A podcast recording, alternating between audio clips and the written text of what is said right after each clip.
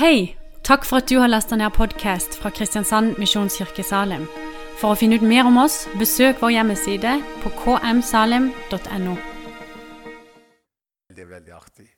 Så Ås og Steinar sitter jo der nede. Kjenner dere dem? Dere, jeg tror rett og slett dere må reise dere. Og der har du Oddgeir. og Du må stå, Oddgeir, for nå er dette her er en høytidelig anledning. Og så Vent litt, det er enda noen flere. Så har vi Jens der nede, og så har vi Elisabeth. Er det flere som var her der i går? For vi var mange, men noen har reist. Men det er altså folk som gikk på Ansgarskolen i den tida der. Og gode mennesker. Og dere fikk en halv klapp, men dere skal få en hel. Veldig fint å se dere her, alle sammen. Så nå skal vi eh, eh, både dele litt fra kirkehistorien, og vi skal dele Guds ord. Og jeg har et kolossalt manus. Hvis du lurer på om, om jeg bruker manus, så kan jeg iallfall avsløre det at det har jeg i dag. altså. Og Det er på mange sider, så vi får se hvordan det går. Men jeg har en klokke her, og så har jeg en klokke der også. Jeg skal prøve å holde tida. Men det skal handle, som eh, Silje sa, om vekkelseshistorien eh, noen søndager fremover. Og eh, vi skal i formiddag ta for oss noen glimt av livet til John Wesley og se hva vi kan lære av det. Og også hva liksom er Guds ords tale inn i de ulike avsnittene av livet hans, sånn som jeg nå skal dele det med dere i dag. da. Men vi skal begynne med å se dette maleriet som allerede er kommet på veggen. Et dramatisk eh, bilde av et maleri som henger et eller annet sted i England. Og eh, Det som ikke kommer fram på dette bildet, det er at det skal være en liten tekst under maleriet. Og Der står det eh, en tekst der man henvender seg til denne mannen som strekker seg opp for å ta imot gutten. Så står det 'Hva er det du har i hendene?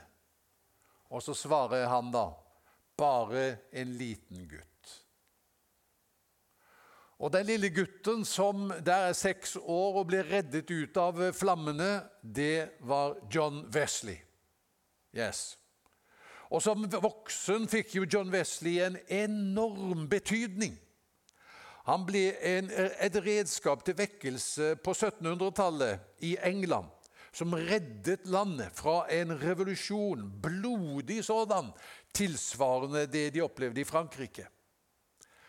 Han var en brennende eh, person som holdt over 40 000 taler. Det er ganske mye, skal jeg love dere.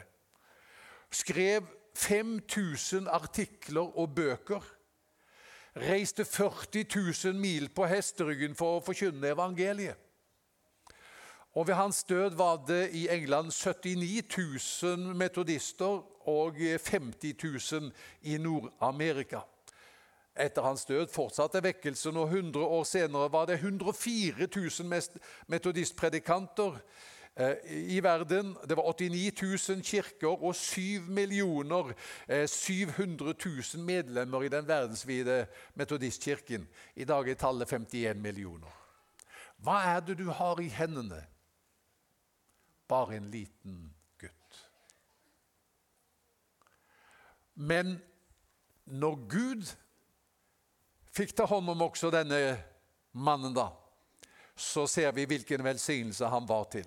Og Det står et Guds ord i eh, ordspråkene 10 og vers 7. Der står det 'minne'. Vi får vel det opp, gjør vi ikke det på veggen? 'Minne om den rettferdige blir til velsignelse. Og Det håper jeg at eh, i dag, når vi skal trekke frem noen minner fra hans liv, at det blir til velsignelse for det. Da skal vi først se på de første 20 årene av livet hans. Neste bilde. Og da kan jeg fortelle at John Wesley vokste opp i et eh, prestehjem i 1700-tallets England. Faren var prest i Den anglikanske kirke. Mora var også godt utdanna og en from kristen som gjerne ville bety en forskjell i verden. Og Så tenkte hun hvor skal jeg begynne? Og Så fattet hun en beslutning som er som så. Jeg bestemte meg for at jeg ville begynne med mine egne barn. Hun hadde åtte barn, og hun sier sånn Jeg satte av så mye tid jeg kunne hver kveld til samtale med den enkelte av dem. Mandager snakket jeg med Molly. Tirsdager med Hetty. Onsdager med Nancy. Torsdager med John. Fredager med Patty. Lørdager med Charles. Og John og Charles de ble jo eh, liksom, i et veldig kompaniskap i forhold til den vekkelsen som skulle bryte fram. Og søndager med Emily og Sucky sammen. Sånn var det. Åtte barn, og hun var metodisk i tilnærmingen. Så hun gav åndelig veiledning til hver enkelt av barna i tur og orden så mange dager som det var i uka. Nå ser jeg på deg, Johannes og Birgitte. Ta det med dere fremover i livet. Jeg bare så dere akkurat her nå. Det er aldri godt å vite. Kanskje blir det åtte. You never know. Vi får se på kransekaka i juni hvor mange det blir. Dere må ikke glemme det. Men eh, John bestemte seg da for å bli prest som faren, og han tok sitt åndelige liv på det største alvor. Og han skriver Mitt overordnede mål i livet er personlig hellighet. For hvordan kan jeg fremme hellighet hos andre uten å være hellig selv? Er godt sagt. Og Han studerte ved Oxford, som jo var et fint universitet også da. og Her dannet han og noen kamerater et fellesskap for åndelig vekst hvor de gikk veldig metodisk til verks. Det hadde han sikkert henta fra mor som allerede der tidlig eh, hadde en metode for åndelig veiledning for barna sine.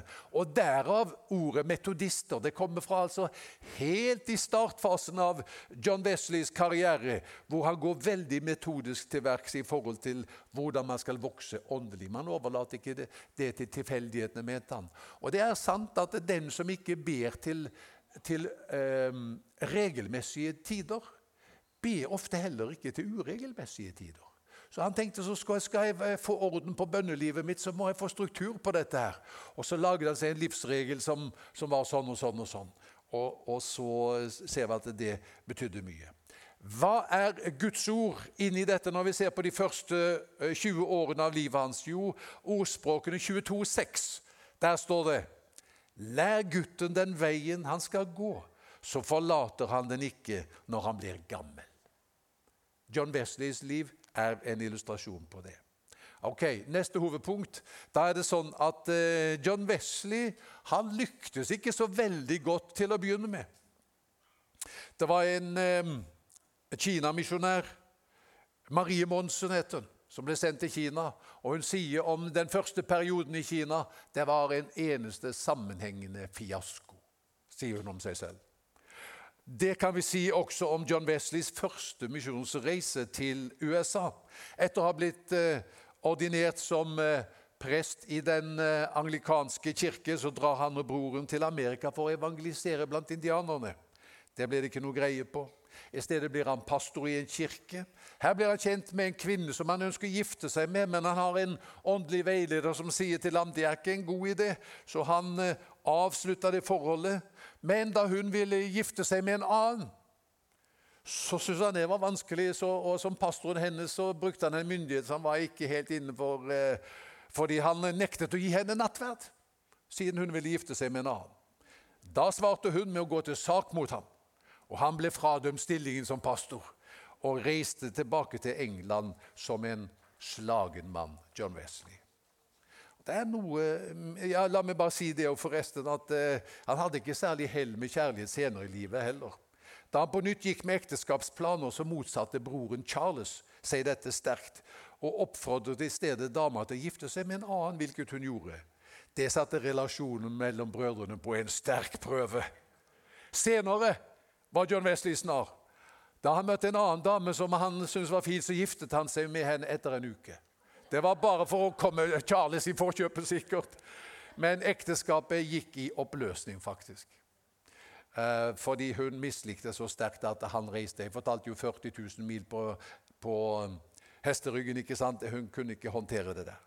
Ok, Når vi ser på de første årene av hans liv, og jeg tenker på eh, den mislykkede perioden i Amerika, så kan vi ta et gudsord, eh, neste bilde, som sier at eh, hvis ikke Herren bygger huset, arbeider bygningsmennene forgjeves. Salme 127, vers 1. Jeg tror du leste fra Salme 127. Var det?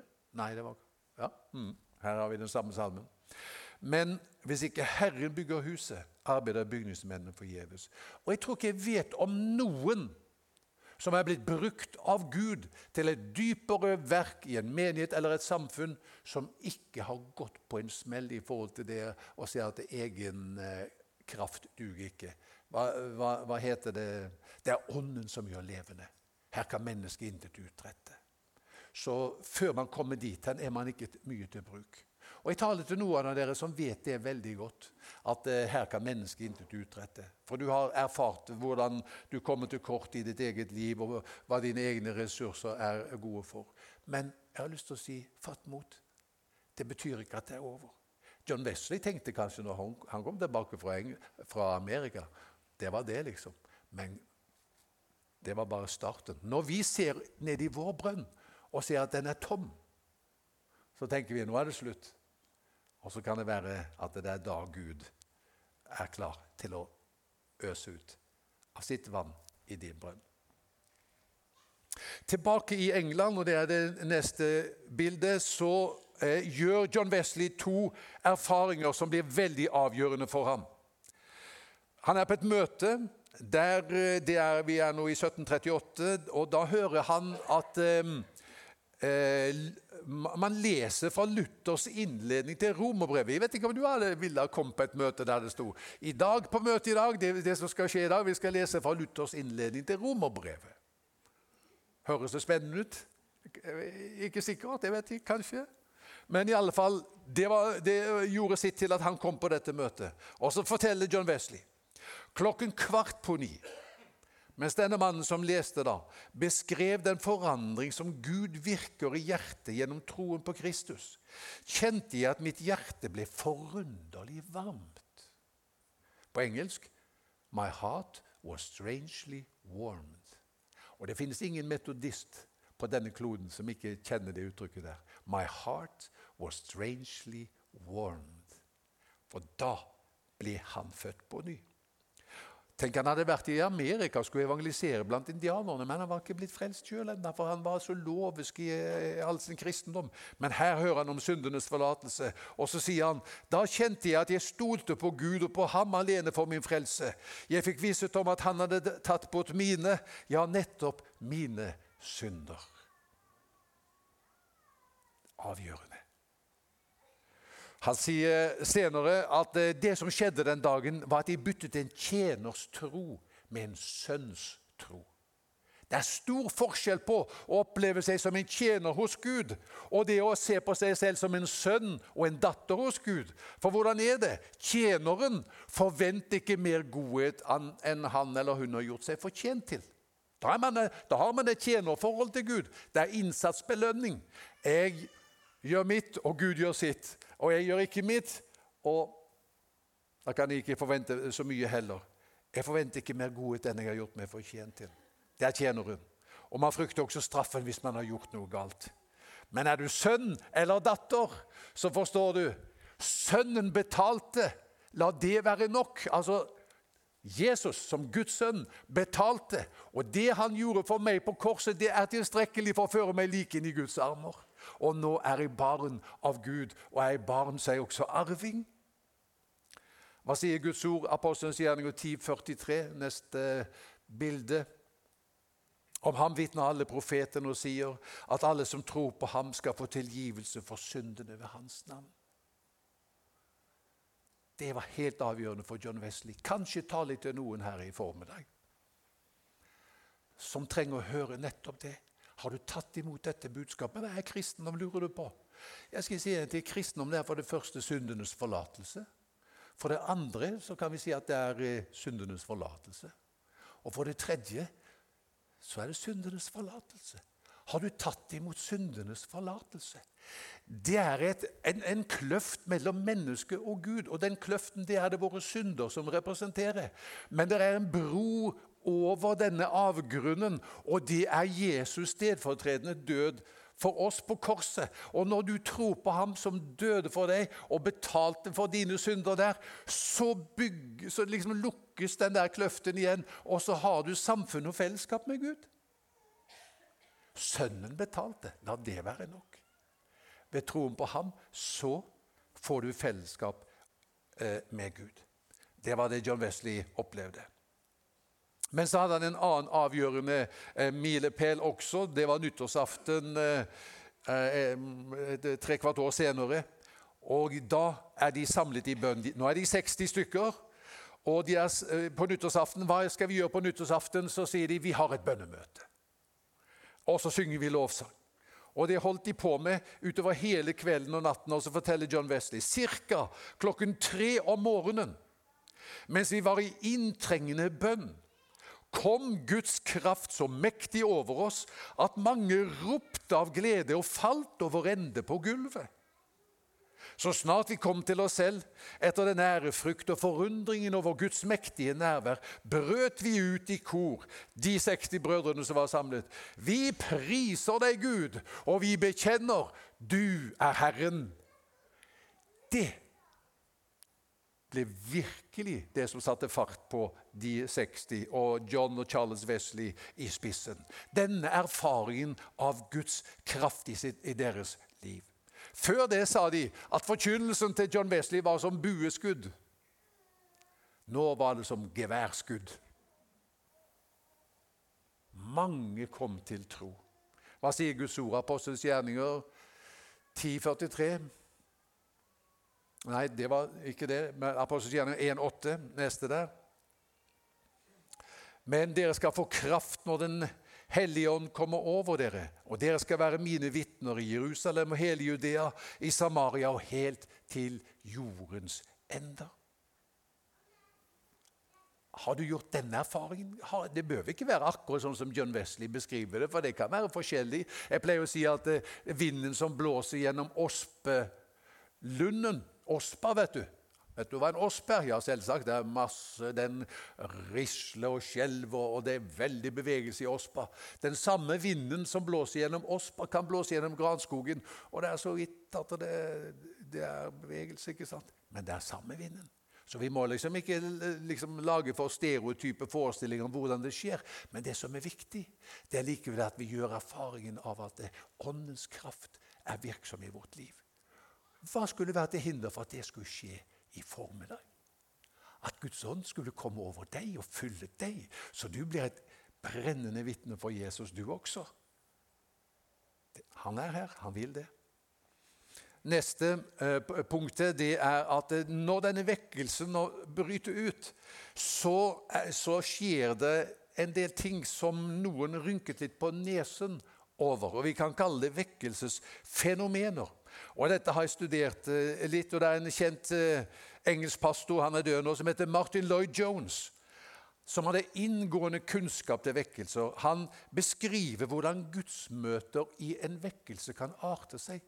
Og han sier noen ganger kan det være så voldsomt at hvis man er litt på sidelinjen og litt uvant med det, så kan man faktisk tenke at nei, dette kan ikke være fra Gud. Og så kan man tenke dette vil vi ikke ha. Og så er det bare sånn at det er selve hjertet av vekkelsen som noen ganger fører dette med seg. Nå skal du høre hva han sier for noe, Martin Lloyd Jones. I vekkelser er det å regne som en regel at visse fenomener begynner å bli synlige. Fenomener som disse Menn og kvinner blir overveldet av smerte pga. deres synder. Dette kommer til dem med slik kraft at de til og med kan bli fysisk syke.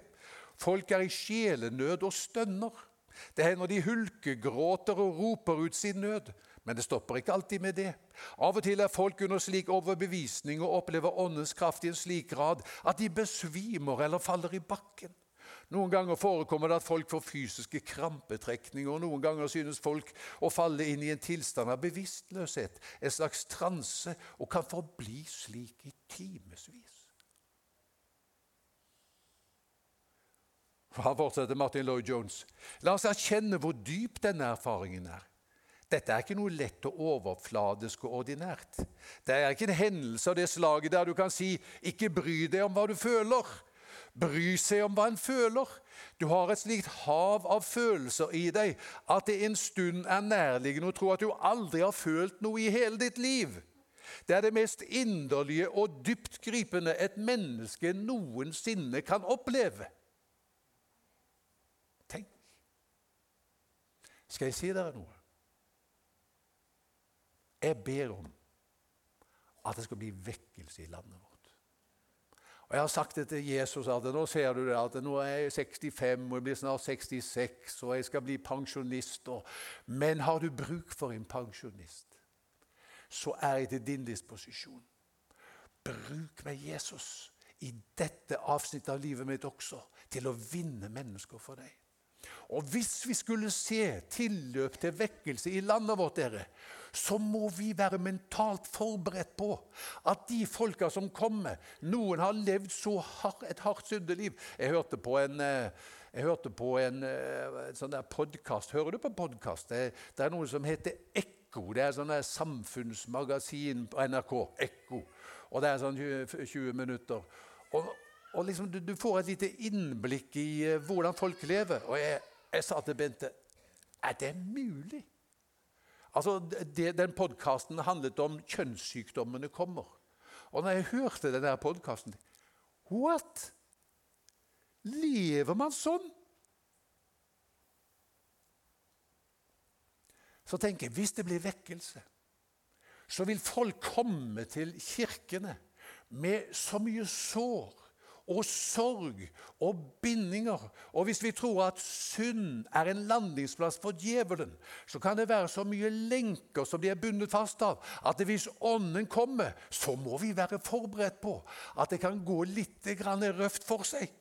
Og så må vi tåle det, så må vi håndtere det. Og så kan vi veilede dem til det blodet som brødrene sanger vær, og som renser for all synd, og som kaster det i glemselens hav. Og så kan du være med på en ny sang. Halleluja, halleluja. Min synd forsvant i nådens hav ved Golgata. Ikke sant?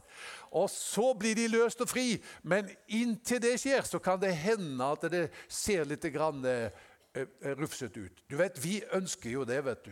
At, eh, å være menneskefiskere. Og Det beste var jo hvis fisken kom opp av sjøen ferdig sløyd. Det var jo det beste.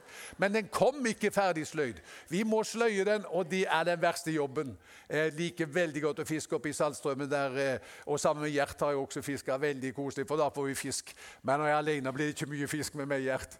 Men når vi får fisk, det er gøy.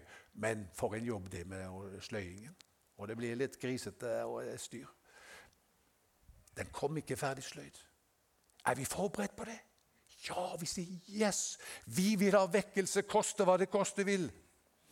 Og Da kan det hende at mennesker blir slått ut, men det er Jesus som møter dem. Det står et utrolig fint uttrykk, vi tar det med nå i åpenbaringsboken, om Johannes da han møtte Jesus. En aldrende Herrens tjener som møter sin ungdomsfrelser. Se på det, da. Og da jeg så ham, falt jeg som død ned for føttene hans. Ikke sant? Kjenner vi oss igjen, Henning? Vi kjenner oss igjen. Møtet med ham som vi møtte som unge, han stråler fortsatt med samme glans. Navnet hans har ikke bleknet. Og vi faller som døde ned for føttene hans. Men han la sin høyre hånd på meg og sa, 'Frykt ikke, ikke sant? Det er kraftige ting vi snakker om når det er gudsmøter i vekkelse. Vi må ta med det også. Tida går jo fort for meg. Jeg ser det. Jeg hadde et veldig manus, og jeg var litt optimistisk. Men eh, nå skal jeg bare litt, eh, drikke litt, så kan jeg holde på 20 minutter til. Jeg, da, men...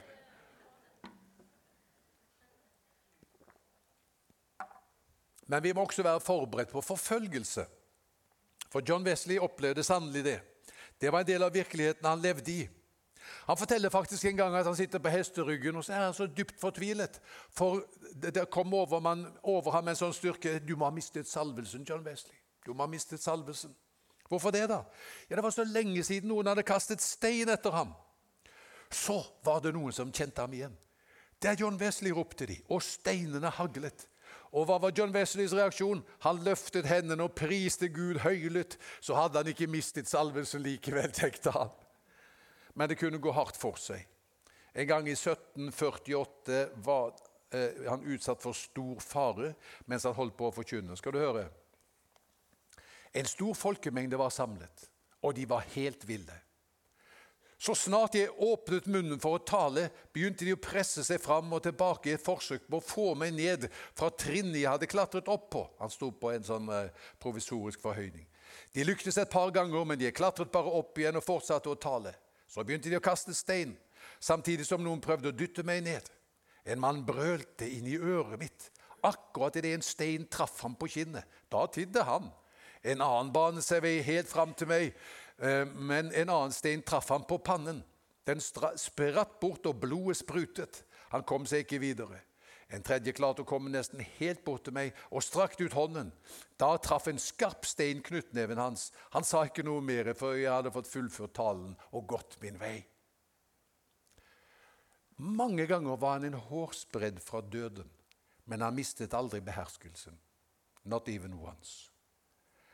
Ble han truffet av stein eller slått med kjepp, tørket han bort blodet og fortsatte å preke. Han elsket sine fiender. De klarte ikke å gjøre ham uhøflig eller sint. Han sa, 'Ikke tro ondt om noen, ikke tal ondt om noen.' En som forkynner evangeliet, er alles tjener. Hæ? Det er sterkt. Hva sier Guds ord? 2. Timotus 3, 12. Alle som vil leve et gudfryktig liv i Kristus Jesus, skal bli forfulgt. Så skal vi Så må jeg det, var, det, det, er helt foredrag, dette her. vet du. Jeg kan ikke ta med alt, ser jeg. Men det neste punktet, bare ganske summarisk, er vedvarende vekkelse. Fordi vi har sett vekkelser komme og gå. Her står vi overfor en vekkelse som varer ved.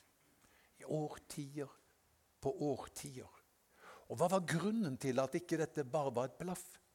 Og Det hadde med uh, det å gjøre at det, i metodistvekkelsen så var det en organisering eh, som fremmet liv.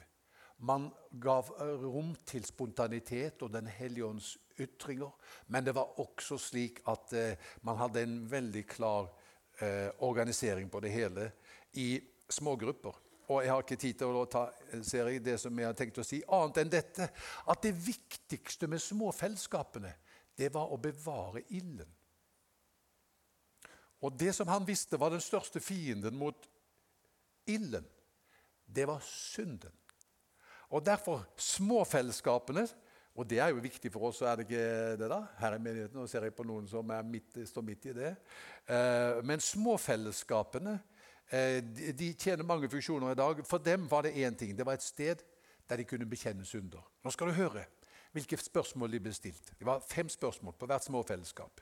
Punkt 1. Hvilke synder vet du at du har begått siden sist vi møttes? Punkt 2. Hvilke fristelser har du møtt? Punkt 3. Hvordan kom du ut av det? Punkt 4. Hva har du tenkt, sagt eller gjort som du lurer på om kan ha vært synd? Punkt 5. Er du sikker på at det er ingenting du ønsker å holde hemmelig? Det er ganske friske spørsmål. Men vet du hva? Det var ikke noe han dyttet nedover dem. Det var noe som kom nedenfra. De sa det er en sånn kamp vi står i. Vi trenger et sted der vi kan dele liv. Det er så mye som river og sliter i oss fra alle kanter. Vi greier ikke å leve ordentlig vi i vekkelse, John, hvis ikke du lager liksom mindre fellesskap der vi kan få hjelp til dette her, og, og snakke sant om livet og snakke sant om Gud, og, og, og liksom hånd i hånd gå inn i det. Fantastisk. Jeg avslutter nå. Jeg rakk ikke å si noe om den eh, samfunnsmessige betydningen for at det er England før og etter John Wesley. Altså det, er, det, er, polavstand. Det er Nordpolen og Sørpolen. Men eh, la meg bare avslutte jeg har ikke tid til å gå inn på det, la meg bare avslutte med å si, lese en bønn. Kanskje skal du gjøre den til din. Hør. Jeg gir meg selv helt og fullt i dine hender. Gjør hva du vil med meg. Før meg sammen med de du vil. Gi meg oppgaver. La meg lide. La meg arbeide for deg eller bli satt til side for deg. Opphøyd for deg eller tråkket under fot for deg. La meg være full, la meg være tom. La meg ha alt eller mangle alt. Jeg gir frivillig og helhjertet avkall på alt for å være til din glede og disposisjon. For en bønn. Finni, kan du komme opp og spille litt grann, rolig musikk? Så skal vi gå over i, eh, i eh, ettermøtet. Silje hun går på ansgarskolen, og hun eh, holder på å studere gudstjeneste og fasene i gudstjenesten. Og Hun sier til meg før møtet her, du vet Geir, at det er nesten en av de viktigste fasene i gudstjenesten er responsfasen. Hva var det du sa? Du sa gudstjeneste er en dialog mellom Gud og menneske. Sa du ikke det? Det er eh, Gudstjenesten det er eh, en arena der vi hører fra Gud. Bare, bare spill du litt forsiktig. Og så er det et sted der vi gir respons til Gud. Ikke sant? Og mens Finny spiller nå, så har jeg bare lyst til å spørre Har du hørt noe? Jeg vet at uh, dette var mer et foredrag enn en preken, men jeg har prøvd å veve Guds ord inn i det hele. og og så kan Gud tale gjennom minnet om den rettferdige også. ikke sant? Har du hørt noe? La oss være et lite øyeblikk mens Finny spiller innenfor Guds ansikt. Og så la meg lese denne bønnen en gang til mens han spiller. Kanskje kan du gjøre det til din bønn. Jeg gir meg selv helt og fullt i dine hender. Gjør hva du vil med meg. Før meg sammen med den du vil. Gi meg oppgaver. La meg lide. La meg arbeide for deg eller bli satt til side for deg. La meg bli opphøyd for deg eller tråkket under fot for deg. La meg være full. La meg være tom. La meg ha alt eller mangle alt. Jeg gir frivillig og helhjertet avkall på alt for å være til din glede og disposisjon.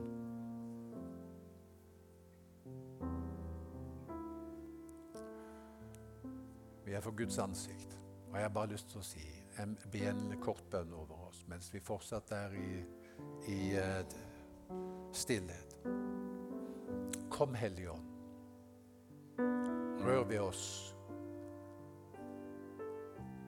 på gudstjenestene. Vi trenger deg. Kom og berør oss, Herre. Fyll oss med din ånd. La det sies om oss som det ble sagt om John Wesley. Da vi holdt ved i bønn, kom Guds kraft mektig over oss. Prise deg, Herre, for at det vil du.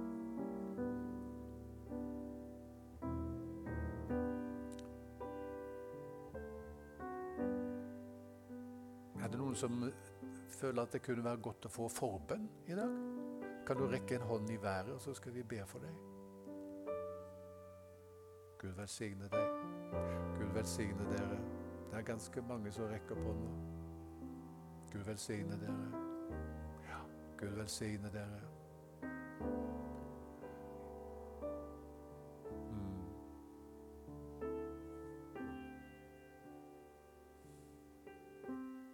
Flere. Gud velsigne deg. Gud velsigne deg.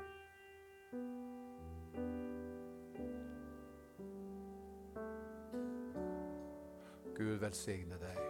Gud velsigne deg.